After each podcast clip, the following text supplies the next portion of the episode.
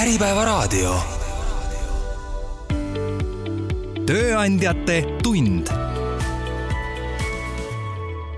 tervist, head kuulajad, kuulate saadet Tööandjate tund ja tänases saates räägime tööturust ning sellest, millised on tööjõukriisi võimalikud lahendused, räägime välistööjõust, lahendustest, mis võiksid tulla haridussüsteemist, seadusandlusest, ka tööandjate enda vastutusest ja, ja paljust muust. ja seda teemat on täna saates aitamas avama äh, OSKA peaanalüütik Inge Rosenblad, tere tulemast! tere! ja Tööandjate Keskliidu tööturu töörühma juht ja TKM Grupi juhatuse esimees Raul Puusepp, tere ka sulle! tere! ja mina olen saatejuht Rivo Sarapik töötajate puudus, tööjõukriis äh, on sellised märksõnad, mis äh, ettevõtjatele ja tööandjatele on juba aastaid meelehärmi valmistanud ja kui vaadata siin äh, hiljutist OSKA sellist pikemat prognoosi, siis see pilt kuidagi nagu selgemaks või, või lihtsamaks ei lähe.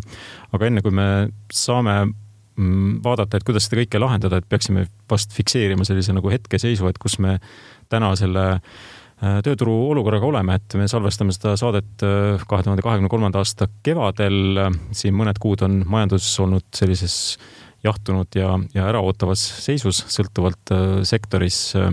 et mis see tänane seis on, kas väljavaade on kuidagi läinud paremaks või töötajate leidmine lihtsamaks või pigem on seis endiselt keeruline ja siis see pikaajalisem vaade siin otsa, aga tänase seisu äkki Raul annad? ja tervist veel kord, et tänane seis on võib-olla mõnevõrra isegi leebem, et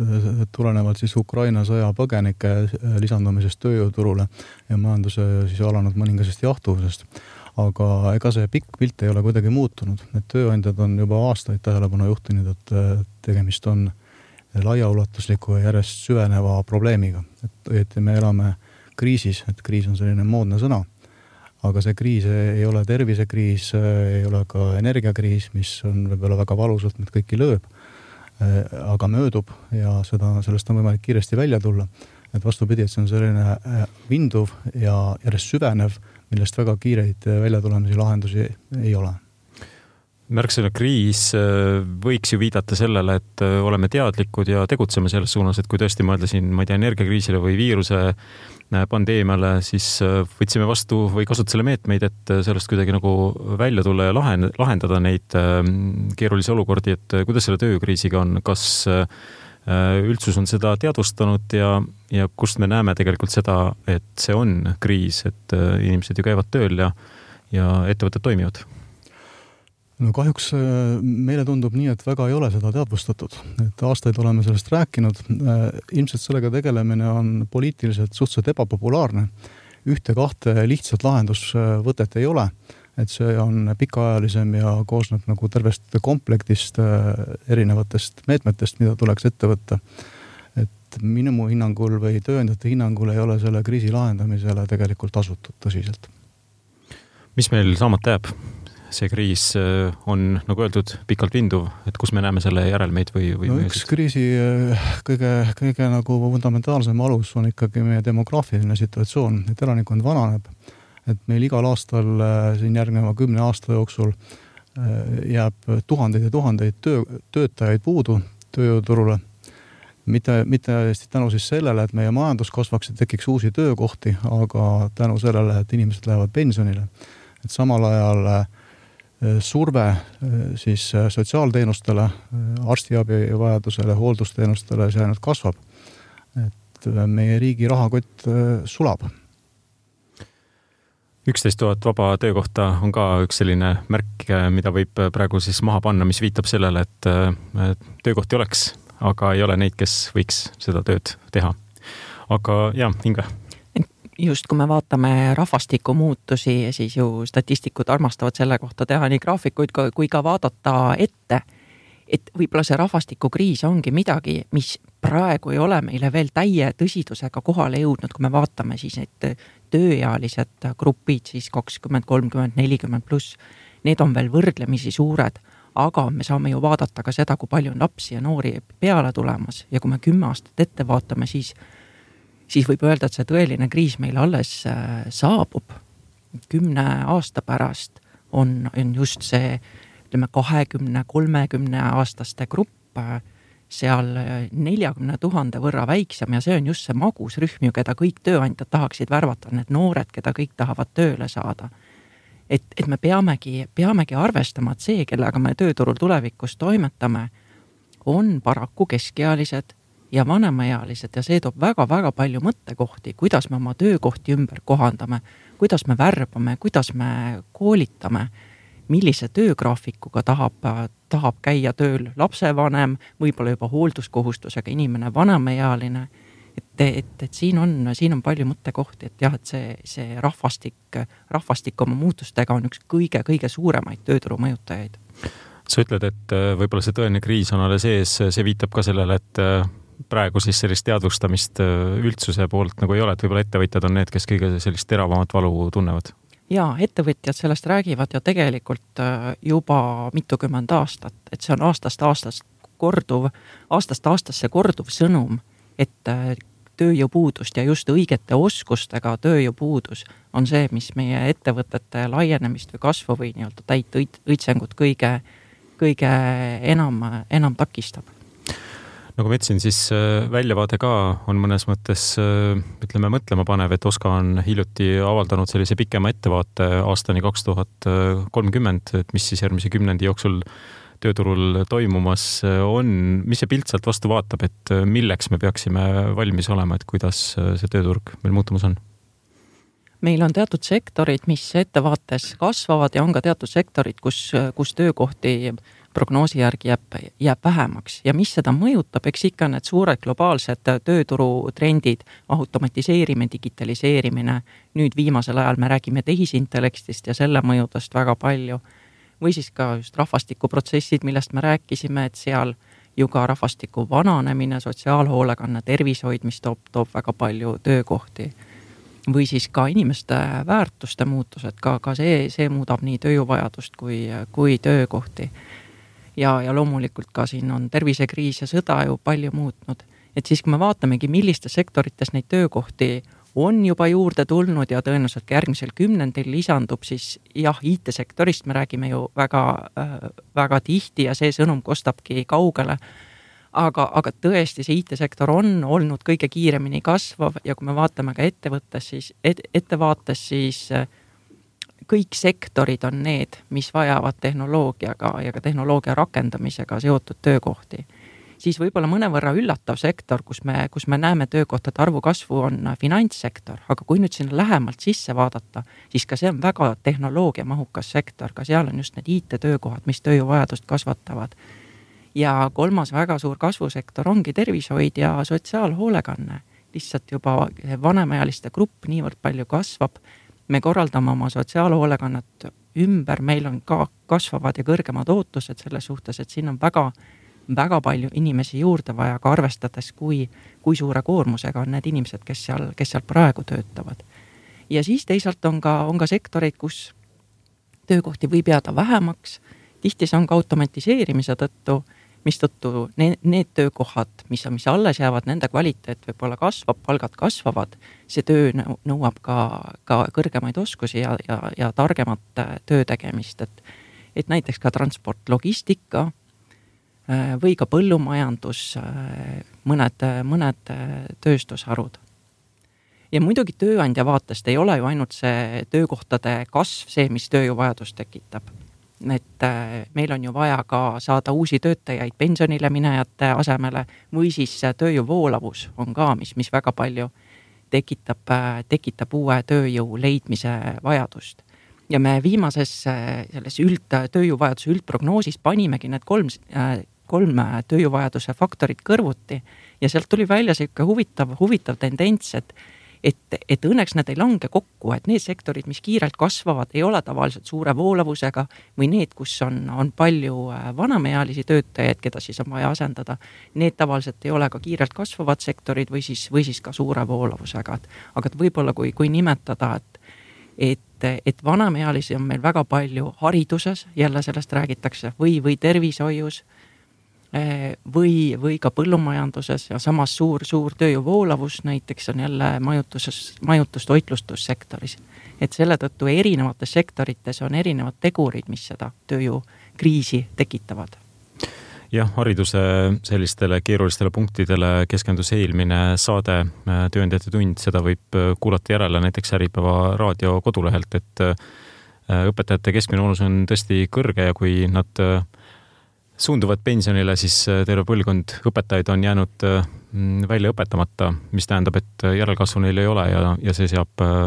omakorda väljakutsed Äh, nii haridussüsteemi kui ka tegelikult ühiskonna sellisele äh, toimetulekule tuleviku vaates. aga mul jäi kõlama sinu vastusest üks äh, selline mõte, et need töökohad, mis jäävad alles, et need tootlikumalt või targemini tööle panna või et need ametikohad peavad sellist tööd suutma teha. Mm, see tuletab meelde ühte puudust, mida tööandjad on ka pikalt äh,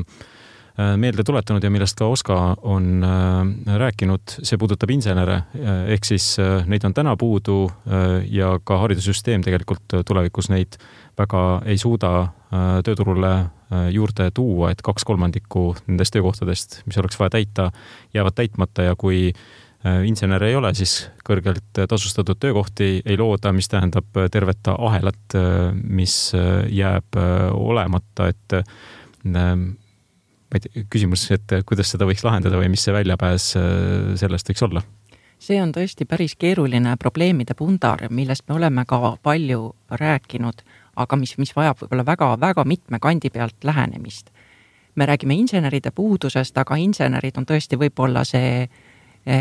jäämäe veepealne osa, seal on tegelikult ka, ka tehnikud Eh, teised töötajad, kellel on teatud tehnilised ülesanded, seal on oskustöötajad, seal on eh, liinioperaatorid, seal on robotioperaatorid, et et peaaegu kõik töökohad on, on, on ka need, mis teatud tehnoloogiaoskusi vajavad, aga ennekõike ja siis see, kas see tehnoloogia rakendamise, tehnoloogia seadistamise või tehnoloogia loomise oskus siis inseneride puhul on see, mis, mis majanduskasvu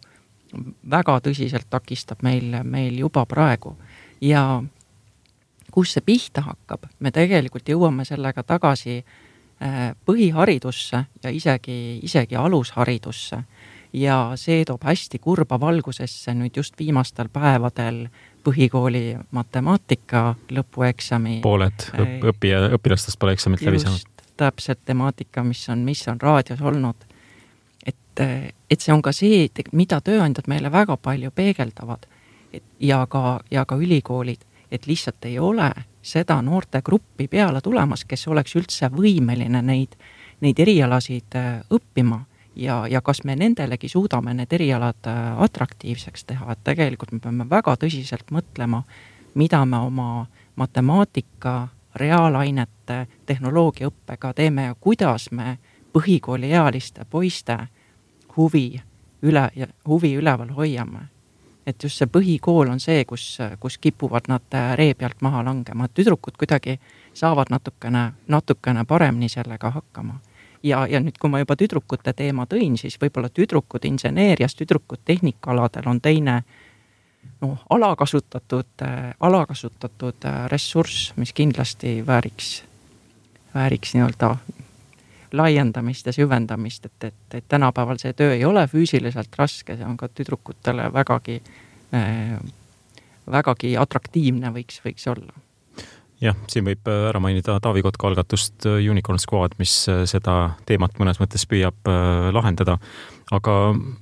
kitsendasin selle inseneri küsimusega seda töötajate puuduse teemat, aga lähme nagu laiemaks. Mm, kuidas neid, äh, seda puudust siis lahendada, et mis need äh, võtted oleks, et neid põhjuseid on erinevaid, mis tähendab siis seda, et äh, neid lahendusi on ka tarvis erinevaid, ehk siis ei ole ühte võluvitsa mõtet oodata, et mis on, mis me peaksime tegema, et oleks neid inimesi, kes ettevõtetes saaksid panustada, neid plaane ellu viia, läbi selle töökohti luua ja siis ühiskonda ka ühiselt jõukamaks teha ja noh, haridusest oli juttu, et haridus on tegelikult äh, selle probleemi lahendamise üks pikemaajalisemaid ja, ja, ja samas üks põhilisemaid asju. et hariduse kvaliteet ja õige haridustellimus, et me räägime inseneridest, aga tegelikult veel järgmise kümne aasta jooksul läheb pensionile veel terve rida erinevaid äh, ametikondadest nagu arstid, äh, meditsiiniõed, õpetajad autojuhid, bussijuhid, seda loetelu võib veel pikalt äh, jätkata. need on vaja täita ja need inimesed on vaja välja õpetada, need on vaja harida. milline see meie riigi tänane haridustellimus on, kui palju sellest on siis pärast ühiskonnas kasutust leiab ja kui palju lähevad hariduse saanud on teistele aladele, kui palju on tegemist hobihariduse tellimusega, et noh, see on omaette suur teema. Nagu ma ütlesin, noori on tegelikult ju peale tulemas suhteliselt vähe, et, et jah, me peame väga-väga tegelema sellega äh, kuidas noored teevad oma karjäärivalikuid ja milliseid võimeid me üldse nendes äh, välja arendame, et me räägime siin matikaõppest, kus reaal- ja loodusained on ka loovuse ja, ja kunstiainetega seostatud. aga, aga nagu ma ütlesin, me peame tegelikult õppima toimetama keskealistega ja vanemaealistega. Ja nüüd on küsimus, kuidas nemad saavad neid ametikohti täita. kuidas me äh, võimaldame inimestel ümber õppida ja tehnikaaladele, see on noh, sisuliselt võimatu olnud ju. mina neljakümnendates praegu, kui ma mõtleksin, et ma läheksin Tehnikaülikooli inseneriala õppima kas mul üldse matemaatika riigieksam on, eks ju, tehtud, seda, seda siin keskealisena uuesti tegema hakata, tundub, tundub võimatu, aga et me peame mõtlema, kuidas, kuidas me saame keskealiste inimeste oskusi täiendada või need, kes on, on juba tehnikaalase haridusega, neid, kas neid oskusi kaasajastada või neid tuua, tuua tagasi sellele, sellele alale, et, et tegelikult me, me ei saa enam mõelda nii, et jah, ainult, et noored nii-öelda teevad ükskord selle eriala valiku ja on sellel erialal elu lõpuni, et et see erinevate erialade vahel liikumine elu jooksul, et see on see, neid, neid võimalusi me peame väga-väga palju, palju laiendama. Puudutaks korra seda hobiharidust, see on ka teema, mida OSKA on jälginud, see tähendab siis seda, et inimene näiteks käib, ma ei tea, kutseõppes või mingis tasemeõppes või ka Töötukassa mingitel koolitustel, aga sellesse või seda omandatud oskust tööturul ei, ei rakenda, et sellest kevadest meenub üks äh, teade, kus mm, OSKA andis teada, et äh, ütleme, iga viies pagaritest ja kondiitriks õppinutest läheb erialasele tööle ja, ja viisteist protsenti aedniku ja maastikuehitaja õppekava lõpetajatest ehk siis äh, see viitab sellele, et ainult seda koolitusmahtu igal pool tõsta ei, et see ei lahenda seda probleemi ära, töötajate probleemi jah, palju on, palju on selliseid sektoreid ja töökohti, kus, kus me näeme, et tegelikult koolitustellimuse tõstmisega või rohkem koolitamisega me ei, me ei lahenda probleemi. ja sellest nii-öelda hobiõppest on palju räägitud, see on meil see, sellel aastal Kutsekojas ka eraldi vaatluse all, me avaldame aasta lõpus detailsemad tulemused aga, aga kui seda probleemi natuke avada, siis ühest küljest see ei ole ju halb, et täiskasvanud õpivad. me ju räägime elukestvast õppest. Aga küsimus ongi, et kui see on mõeldud ametiõppeks, aga samas need inimesed sellel erialal tööle ei lähe või osad lähevad, aga väga paljud ka ei lähe, siis kas see õpe sellisel kujul on see, mida nad vajavad ja kas see on riigi raha optimaalne kasutamine? et see need ettepanekud, mida me oleme ka praegu teinud juba, on, on see, et, et me peaksime seda õpet palju mitmekesisemalt mõtestama, et need inimesed, kes tahavad lihtsalt oma oskusi täiendada, neil oleks võib-olla vaja palju lühemat mingitele konkreetsetele oskustele suunatud õpet, neil ei ole vaja läbida kaks aastat ameti või kutseõpet, lõpetada seda kutseeksamiga. samas on sageli ju ka küsimus selles, et jah, me kutsekoolis õpetame inimest juba eraettevõtjaks, valmis spetsialistiks, aga töökohad, kasvõi ka aianduses või siis ka pagaritööstuses, tegelikult vajavad märksa, märksa lihtsamaid oskusi. Nende jaoks töötajaid me võiksime võib-olla hoopis mõnenädalase, mõnekuuse kursuse töökohapõhise õppega äh, välja õpetada, ühesõnaga, et neid õppevõimalusi peaks olema erinevaid ja just nendele õppijagruppidele kohandatud, et praegu on nii-öelda see üks kaheaastane kutseõpe mis peaks kõikidele sobima, aga tegelikult see, see ei ole optimaalne kuivõrd hästi see tea-, teema on ühiskonnas äh, nagu teadvustatud, sa küll viitad, et selline põhjalikum äh, uurimus äh, Äh, on tulemas, aga see on ka üks teema, mis on tegelikult äh, niidina läbinud neid äh, tööturu ja hariduse valdkonna nagu teemasid, et et kulutame ressurssi, õpetajaid on niigi vähe, eks ju, seda vähest raha ja siis tegelikult selle eest nagu tulemust ei saa ja on inimesi, kellel meeldib õppida ja võib-olla omale oskuseid juurde saama, saada, et siis nemad on sellega rahul. aga et see on probleem sellisel kujul, kuivõrd hästi see on teadvustatud no see asi liigub õiges suunas, et natuke siin on ju ka see Eesti väiksuse probleem, et samamoodi ka meie, meie koolid on väikesed ja väga erinevat õpet pakkuda on ka, on ka kallis ja võib-olla alati me ei suuda seda välja kanda. Samas me näeme, kui palju nüüd kõrgkoolides hakatud rääkima mikrokraadidest, mikrokvalifikatsioonidest ja seesama formaat võiks ju liikuda ka, liikuda ka kutseõppesse, täiendusõppesse, et, et, et asjad, asjad liiguvad õiges suunas sa viitasid enne, et vanemaealiste inimestega peame rohkem hakkama arvestama tööturul. mis see kaasa toob, millega peab hakkama rohkem arvestama? kas inimene tahab alati täisajaga töötada? Võib-olla osakoormusega, milline on see graafik, kas tema tahab töötada nii-öelda töökohal või ta tahab kodus? kuidas me hoiame teda tervist, kuidas me arvestame sellega, kuidas vanem inimene kohaneb muutustega, kuidas ta õpib nii-öelda õpetada uut oskust kahekümneaastasele või, või kuuekümneaastasele, see on üsna erinev. väga palju on ka võib-olla suhtumise küsimus, meil tööandjad räägivad päris palju sellest, et, et nad, et, et jah, oskused me õpetame, aga, aga vot leiaks need õigete väärtuste, õigete äh, hoiakutega töötajad. nüüd äh, selles valguses tundub, et, et vanemaealised võiksid siin olla hindamatu ressurss, kui me otsime inimesi, kes on tõesti väga hea tööeetikaga, väga heade tööharjumustega, siis me peaksime neid otsima keskealiste ja, ja vanemaealiste seas, et et siin on ka meie oma, oma suhtumises veel, veel väga palju arenguruumi aga kuidas tulla toime sellega, et tööturul on mitu põlvkonda koos, et siin erinevad numbrid ütlevad kolm, neli, viis, et sõltuvalt sellest, kuidas neid põlvkondi siis lugeda, et see seab tööandjale päris sellise korraliku pähkli nagu, et nagu sa viitad, et siis äh, vanemad võib-olla on stabiilsemad ja nooremad on sellised, kes äh, otsivad võimalikult palju paindlikkust ja tahaksid ringi liikuda ja võib-olla ei, ei püsi väga pikalt ühe tööandja juures. jah, et äh, seda võib näha probleemina ja seda võib näha võimalusena, et ka meil Kutsekojas siin töötajate vanus varieerub kahekümne, kahekümnendatest eluaastatest seal kaheksakümne piirimaile et igal, igal põlvkonnal on omad, äh, omad väärtused. ma arvan, et see on väga palju juhtimise küsimus ja nagu tööandjad, Tööandjate Keskliit ka oma viimases manifestis välja toob, see juhtimiskultuur on see, kus meil Eestis on veel, veel väga palju tööd teha ja siis erinevate põlvkondade juhtimine on üks, üks, üks küsimus selles samas pildis mina arvan, et tegelikult tööandjad on sellega päris hästi siiani hakkama saanud, et meie ettevõttes töötavad väga erinevatest põlvkondadest ja vanuserühmadest ja ka rahvustest inimesed. et äh, tuleb äh, neid pensioniealisi inimesi rohkem püüda tööturul hoida, kes on võimelised ja valmis panustama ka siis osalise koormusega. tuleb äh, kaasata noori, kes on samamoodi kooli või, või mingite muude tegevuste kõrvalt valmis paindlikumalt panustama et äh, ma arvan, kõik tööandjad saavad sellest suurepäraselt aru. erinevad äh, põlvkonnad või ütleme, sellised rühmad, kes tööturule ei ole täna kaasatud, aga võiksid olla, et me rääkisime, et äh, vanemaealised, ka nooremad, kes näiteks õpingute kõrval seda võiksid teha, aga on ka hulk noori, kes ei tee midagi, ei tööta ega ei õpi, et ka nemad ja võib-olla ka inimesed, kes Äh, sooviksid äh, või on piiratud näiteks äh, töövõimega, ehk siis kas see on üks koht, millele peaks tähelepanu ka pöörama, et need on inimesed, kes võiksid olla tööturule kaasatud, aga täna mingil põhjusel seda ei ole? jaa, absoluutselt. Et me peame oma olemasoleva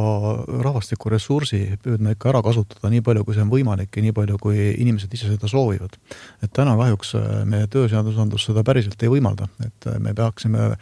Äh, rohkem äh, seadustama paindlikke töösuhteid, tööampse, koormusvahemikega töötamisi, äh, võib-olla üle vaatama kriitilisemalt ka toetused nendele inimestele, kes siis ei tööta, et kas nad on ikkagi põhjendatud ja mõistlikus ulatuses ja mõistlikus määras. et seda, seda, see on kõik paratamatu, et see, me peame oma inimesed võimalikult palju tööle värbama just eile küsisin Töötukassa juhatuselt töövõimereformi kohta, see on meil siis, eks ju, nüüd seitse aastat kestnud, kus me töövõimetusega inimesi oleme tööturule tagasi tolnud, et, et kas see on olnud edulugu. ja nüüd siit jah, põhimõtteliselt nii võib öelda, et võrreldes seitsme aasta taguse ajaga, kus meil ligi sada tuhat inimest oli lõpuks töövõimetusega kodus, et need enamik inimesi me saime tööturule tuua ja enamik neist on siiamaani ka püsinud ja ma usun, et selle seitsme aastaga on väga-väga palju muutunud ka ühiskonna teadlikkus ja tolerantsus, et igasuguste, igasuguse terviseseisundiga inimesed saavad panustada ühiskonda ja, ja see ongi hea ja täiesti normaalne. nüüd, kui vaadata rahvusvahelist statistikat, siis siin jälle Eesti, ma ütleks isegi torkab silma sellega, et meil on päris hästi kaasatud erinevad rühmad tööturule, meil on üks Euroopa kõrgemaid äh, tööhõivemäärasid, kui me vaatame kas või naisi või me vaatame eriti vanemaealisi. jah, võib-olla see vanemaealiste töötamine ei ole alati vabatahtlik valik, me võib-olla ka hea meelega oleksime Bahamal ja varbad oleksid soojas merevees, aga, aga Eesti pensionid seda ei, seda ei, ei võimalda. et äh, meil on näiteks seitsmekümne kuni seitsmekümne viie aastastest inimestest töötab äh, viiendik see on väga-väga kõrge näitaja Euroopa võrdluses või siis ka kuuekümne viie kuni seitsmekümne aastastest äh, kolmandik, äh, kolmandik töötab. kui palju seal potentsiaali veel on inimesi tööturule tuua, et viiendik ja kolmandik näitab, et enamus ei toimeta, et kuidas seda vaadata? potentsiaali on, sellepärast et selle asja teine pool on see, et kui me vaatame seda nii-öelda pensioniea eelset iga, näiteks kuuskümmend kuni kuuskümmend viis, me eeldaks, et seal peaaegu kõik võiksid töötada. kaugeltki nii see ei ole, et seal, eh, selles vanuserühmas teeb tööd kaks kolmandikku inimestest, umbes kuuskümmend viis protsenti. et nüüd ongi küsimus, et miks inimesed langevad tööturult välja. jah, väga paljudel on terviseprobleemid, me ju tuleme oma tööeluga nõukogude perioodist, paljudel on olnud, olnud aastakümneid väga ka, ka tervist kahjustavad töötingimused aga langetakse ju välja ka sellepärast, et ei suudeta muudatustega kaasas käia. langetakse ühelt töö, töökohalt võib-olla välja, siis selles vanuses tööd leida on, on väga keeruline. et, et ma arvan, et just see kuuskümmend kuni kuuskümmend viis või isegi viiskümmend pluss, me võime laiemalt rääkida, et see on kindlasti see vanuserühm, kus, kus on ressurssi, mida me ei kasuta praegu vääriliselt kui palju siin on ühiskonna hoiakutes küsimus, neid pealkirju aeg-ajalt ikkagi näeb, et kui inimesed jõuavad teatud vanusesse, siis midagi nagu juhtub, aga täpselt aru ei saagi, miks, mis, aga kuidagi neid äh, ei jõua vestlustele ja, ja CV-d ja, ja tastuseta, et äh, kas see on ka küsimus hoiakutes või, või milles? Mina ei usu, et võib-olla meil oli üheksakümnendatel või kahe tuhandete alguses äh, selliseid hoiakuid, et kui sa olid nelikümmend või viiskümmend, et siis sinu CV lendas kohe kuskile teise kasti. Aga äh, ühelt poolt me oleme ise muutunud, teiselt poolt meie vajadus äh, on teistsuguseks muutunud, et me, me isegi kui me sooviks, me ei saaks seda teise kasti tõsta. et ma ei usu, et siin hoiakute taha tegelikult asi jääb mõnikord peame, peame töötama ka võib-olla hoopis selles vanuses inimeste eneseusu ja enesekindlusega, et, et, et nad ise ka oleksid äh, oleksid valmis uskuma, et, et nad, nad veel saavad ja nad on veel õppimisvõimelised ja nad, nad püsivad ree peal, et eks see on mõlemapoolne protsess. jah, ja enne rääkisime haridusest, siis äh, mulle meenuski selle tervise nurga juures, et äh, tegelikult haritusest äh, või haritusel ja tervelt elatud aastatel on ka tegelikult otsene seos, et äh, kõrgharitud inimestel kipub see olema seal kümme-viisteist aastat kõrgem kui näiteks põhiharidusega inimestel, et et sellised andmed on Eestis ka täiesti olemas. Ähm, märksõna paindlikkus, me ei ole seda põh pikemalt, põhjalikumalt veel avanud, äh, aga see on ka üks märksõna, mis on äh, uue koalitsiooni, koalitsioonileppes ja nüüd ka tegevusplaanis, ehk siis töösuhted võiksid muutuda paindlikumaks, kui nad täna on, siis me saaksime, ütleme, et meil on praegu võimalus anda see soovitus kaasa, et millele seal tähelepanu pöörata, siis mis see soovitus oleks? no kõige lihtsam on koormusvahemikega töötamise lubamine, kus siis sesoonselt on töötajal võimalik rohkem või vähem panustada ja tööandjal samamoodi, et on siis vajadus kord väiksem, kord suurem. et seda oleks mugav ja mitte liiga bürokraatlik teha. teine on kindlasti tähtajaliste töölepingute lubamine, et praegult on vist kaks korda lubatud tähtajalist töölepingut sõlmida ja siis muutub leping automaatselt tähtajatuks. ja noh, neid terve rida veel selliseid meetmeid, mida saaks teha, et äh, tööjõuturg oleks äh, loomulikum ja äh, tänapäeva nagu soovidele vastavam. nõus, nõus, see paindlikkuse vajadus nii töös kui õppimises tuleb välja ka peaaegu kõikides äh, meie tööjõuprognoosi uuringutes, kui me erinevate sektoritega räägime, et lihtsalt maailm on muutunud, töötajate ootused on muutunud ja seadusandlus peab siin järele tulema. aga loomulikult me peame vaatama, et selle juures ka see töötajate sotsiaalne kaitse ja, ja turvalisus sellega ei, ei kannataks. hästi, välistöötajad, Eesti tööstus ja Eesti majandus välistöötajateta hakkama ei saa, et see on paratamatus, millega me peaksime arvestama, sellisele järeldusele jõudis ka OSKA koordinatsioonikogu siin mõnda aega tagasi ja ja, ja tõi selle siis välja, et surve töötajate järele näiteks tööstuses ei kao, isegi kui osa tootmist kolib Eestis ära, nagu öeldud, siis hulk inimesi läheb pensionile, töö, töötajad liiguvad ja ja seetõttu teema on akuutne ja mis see välisspetsialistide roll siin tööturul on, kas see on üks nendest väikestest kildudest, millele me peaksime mm, tähelepanu pöörama või on see selline suurem võluvits, millele võiksime loota, et kuidas te näete seda? nagu ma enne ka ütlesin, et siin ei, minu meelest ei ole nagu ühte võluvitsa. Et aga see on üks nendest sellest kimbust. et enne oli juttu haridusest ja sellest, et meil ei ole nagu mõistlik ja meil isegi ei ole võimalik kõiki erialasid Eestis õpetada Äh, siis tulebki vaadata välistööjõu juurde või järgi. ja seda migratsiooni ja seda rahvastiku demograafilist äh, rahv, rahvuslikku kooslust äh, tuleb vaadata nagu läbi teiste prillide, läbi teiste meetodite seda kontrollida, on see siis miinimumpalgad nendele välistöötajatele või, või mingid muud näitajad, aga mitte siis kvoodid sisserändeks. et tööandjate ettepanek on olnud see kvoot üldse ära kaotada ja, ja otsida teistsugused viisid siis äh, selleks, et äh, inimesed saaks tööd teha, tööandjatel oleks võimalik keda värvata ja maksud saaksid makstud ja sotsiaalsed hüved oleksid kaetud. Just, kui on tegemist äh, asjalike inimestega, maksud saavad makstud ja integreeruvad meie ühiskonda, ei tekita mingisuguseid muid probleeme, sotsiaalseid või, või mis iganes poliitilisi, et siis seda tuleb teha Oska on ka välistöötajate värbamist põhjalikumalt veidikene vaadanud ka, mis pilt sealt välja joonistab? sellel aastal just vaatasime sellesse põhjalikumalt sisse, kuna nüüd on tekkinud selle kohta esimest korda parem statistika ja mind ennast väga üllatas, kui massiline on, on välistööjõu kasutamine teatud sektorites, me räägime siin ehitusest, kus kohati ehitusplatsil ju enam eesti keelt, eesti keelt ei, ei kuule, aga samamoodi transport või tööstus või põllumajandus, ka, ka metsandussektor. et, et me peame reaalsusele silma vaatama, et meil on sektoreid, kus tundub, et me ei saa enam välistööjõuta hakkama ja kui me just, kui me vaatame ka, ka rahvastikuprotsesse, siis see, need asjad süvenevad, et seda enam vajab riik läbimõtlemist, milliseid inimesi me oma tööturule lubame ja millistesse rollidesse, et praegu on see pilt mõnevõrra äh, skisofreeniline selles mõttes, et kui me riigina ütleme, et me tahame sisse tuua tarka ja, ja kallimat välistööjõudu, aga kui me vaatame, kus äh, reaalsuses mm, me välistööjõudu kasutame, siis see on väga palju just äh,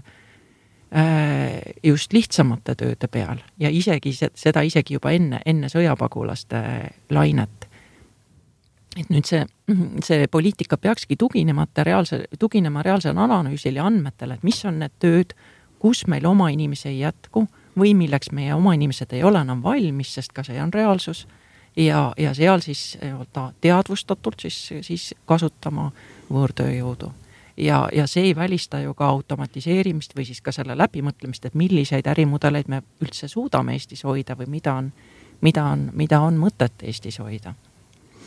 üks äh, minu jaoks natukene üllatav äh, koht või amet, millele Oskar tähelepanu juhtis, on, et võib-olla oleks reaalainete õpetajate puudusele ka leevendust sellest, et äh, me avaksime, ütleme, või võtaksime neid välismaalt vastu, et õpivad keele ära ja, ja aitavad seda kriisi ka tegelikult lahendada. Tundub, et me peame kastist välja mõtlema, sest et see on, see on väga suur küsimus, see reaalainete õpetajate küsimus, me enne juba natuke lahkasime, et sellest äh, algavad pihta nagu nii suured probleemid meil ühiskonnas, see, et meil on inseneride puudus, see, see, mis meie majandusest saab, kuni, kuni selleni välja, et kui kui need poisid põhikoolist või keskkoolist või kõrgkoolist välja langevad, meil on juba praegu massiline, ma nüüd, ma nüüd noh, teen väga, väga võib-olla julgeid ja kaugeid järeldusi, aga kas või see naiste-meeste hariduslõhe kui naistel on nii palju kõrgem haridustase lõpuks kui meestel, naised ei leia endale väärikaid abikaasasid ja siis me jõuame jälle demograafilise kriisini, et, et tegelikult me peame mõtlema, kui, kui kaugele need probleemid kõik välja lähevad. ja kui Island näiteks kasutab massiliselt Eesti muusikaõpetajaid ja need inimesed õpivad ära islandi keele, mis on täpselt sama keeruline kui, kui eesti keel, et siis jah, võib-olla tõesti reaalainete õpetajad äh, Äh, mujalt, et, et miks mitte, et just, just täna vaatasin et, et kakskümmend viis protsenti matemaatikaõpetajatest on meil kuuskümmend pluss vanuses. ma ei arva, et nad on, on kehvad õpetajad, aga ühel hetkel paratamatult nad lähevad pensionile, et, et see, see on nagu väga-väga suur auk, mis seal haigutab maailma Majandusfoorum on toonud välja või noh, seab ju riike konkurentsivõime järgi pingeritta ja ja Eesti paistab seal silma just äh, nende piirangutega äh, välistöötajatele, et nad on äh, arenenud maailma ühed rangemad ja see on põhjustest, miks meie konkurentsivõime rahvusvaheliselt on mm, kannatanud, ehk siis siia on keeruline luua töökohti ja, ja lihtsam on neid teha võib-olla mujale, aga siin on ka see hoiakute küsimus võib-olla ka paslik ikkagi küsida, et miks see on siis nii keeruline, kas see on ainult poliitilist julgust sellel vaja või on inimeste hoiakud ühiskonnas ka ikkagi sellised, et äh, sellist äh, välismaalt tulnud inimest mingil põhjusel, ma ei tea, ei soovita siin näha? ja no on teatud võõristumine, võõristumine, võõristamine ja, ja eks seal on võib-olla ka mingeid põhjusi. tihtipeale nende välistööjõuga kaasnevad ka terve rida uusi ja võõraid probleeme et võib vaadata Skandinaaviasse või, või mingitesse, kas või Saksamaale, eks ju. et aga meil on võimalus, meil on võimalus seda teha targemini, õppida teiste vigadest ja mitte neid korrata. et eh, samal ajal juhtida seda, et keda me siia ootame, keda me siia kutsume ja soovime ja, ja samal ajal kasutada siis neid töötajaid ikkagi Eesti ühiskonna ja riigi hüvaks just nimelt see protsess ei ole ju äh, valutu, meil on Skandinaavia näide siinsamas, äh, samas kohe kõrval, kus on päris suured probleemid erinevate rahvusgruppidega. ja meil on omaenda ajalooline kogemus ju, ju Nõukogude Liidu perioodis siiamaani me äh, lakume neid haavu ja tegelema, tegeleme tagajärgedega, et, et selles mõttes noh, peab reaalsusele vaatama, et et sealt just tavaliselt teises või kolmandas, kolmandas põlvkonnas tekivad tekivad paljud ühiskondlikud probleemid. Aga nagu Raul ütles, meil on võimalus õppida teiste riikide kogemusest ja, ja teha, teha paremini. Oska on viidanud ka, et äh, osa sellisest vastutusest saavad tööandjad ka võtta, et äh, mõningaid asju saavad tööandjad ise teha, et äh, oleks lihtsam või ma ei tea, kas lihtsam on õige sõna, aga et oleks leida töötajaid, neid värvata, neid ka hoida, siis mis see, mis on, mida tööandjad saavad teha? just me analüüsisime tööjõupuudust sellel aastal põhjalikult ja, ja järeldus, mis sellest on, on see, et iga tööjõupuudust ei saa võtta ühe vitsaga. meil on, on sektoreid ja on töökohti, kus on suur tööjõupuudus, aga kui me lähemalt sisse vaatame, siis, siis äh, seal on ka suur tööjõu voolavus, mis tähendab seda, et inimesed ei, ei, kas ei taha nendele töödele minna või, või püsivad seal vähe aega. et need on just need kohad, kus, kus me ei lahenda probleemi sellega, et me koolitamist suurendame. Seal on tööandjatel äh, koht, kus saab asju parandada. on need palgatingimused, aga tihtipeale ei piirdu asi ainult palgaga. on see töö, on see, on need töötingimused, on, on see graafik. näiteks asi, mis, mis tuleb järjest välja, on see, et inimesed ei taha enam öösiti tööd teha, siis ongi küsimus, kas me saame seda tööd automatiseerida, kas me saame tööd ümber korraldada tihtipeale on küsimus organisatsiooni kultuuris. Me ei räägi ainult lihtsatest töödest, needsamad küsimused ka näiteks õpetajatega või tervishoiusektoris, et seal on, on tihtipeale võimalik tööd kuidagi optimaalsemalt ümber korraldada või näiteks algavaid õpetajaid äh, toetada, et, et, et nad oma töös püsiksid, et nad ei lahkuks sealt paari aasta, aasta järel.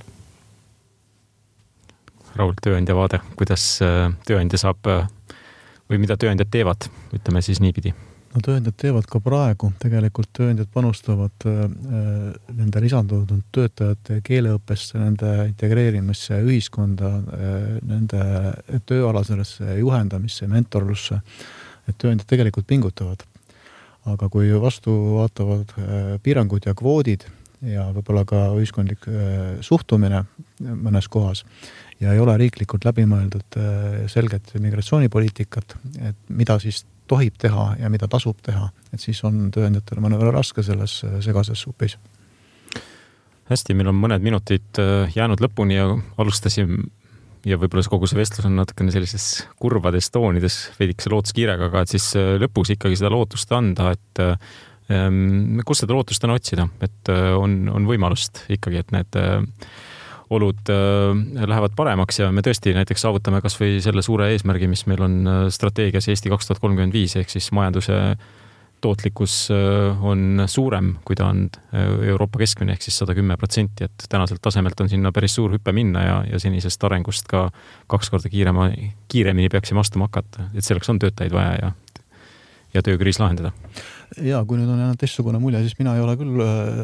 lootust ega usku kaotanud, et me tegelikult saame kõik aru, et riik ja ja ühiskond, et selle võimekus ikkagi äh, luuakse ettevõtluses ja jõukus.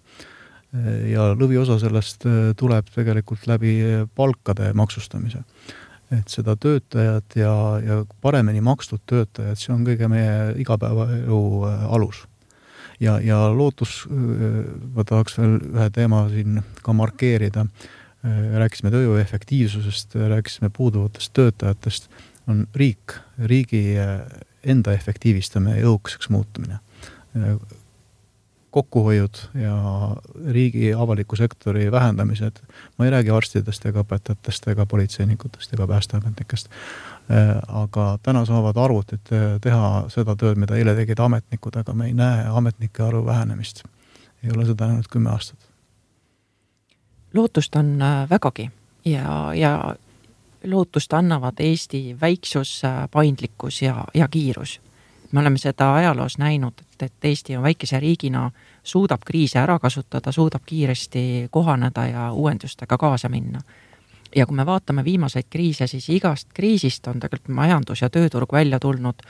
äh, puhastununa äh,, uuenenuna, tootlikumana, innovatiivsemana. ja, ja kui siia panna juurde ka meie need ajaloolised väärtused, mis on nii-öelda usk töö tegemisse ja usk haridusse, siis ka, ka see aitab meil muutustega kaasas käia, et, et ma usun praegu nii sellest tehnoloogia arengust kui kui ka tehisintellekti kasutuselevõtust, ringmajandusest, biomajandusest, et siin on Eestil äh, väga suured võimalused. hästi, loodame, et me kasutame need siis kõik äh, vääriliselt ka ära ma tõmban saatele siinkohal joone alla kaks äh, viidet ka, millest saates juttu oli, et üks ongi see OSKA tööturu prognoos, et seda saab põhjalikumalt lugeda OSKA kodulehel, et me täna jõudsime siin mõningad killud ainult avada, et seal numbrilisi näitajaid äh, on äh, tegelikult rohkem ja tööandjate manifest, mis ka tegelikult rida ettepanekuid erinevates valdkondades teeb, mis tänasest saatest ka läbi käisid, lisaks tööturule ka haridus ja, ja tervis näiteks. Aga saates olid külas Raul Puusepp, kes on Tööandjate Keskliidu tööturu töörühma juht ja TKM Grupi juhatuse esimees, aitäh sulle! aitäh! ja Ingve Rosenblatt, kes on OSKA peaanalüütik, aitäh sulle ka! suur tänu! ja mina olen saatejuht Rivo Sarapik, tänan kuulajaid ja kuulmiseni!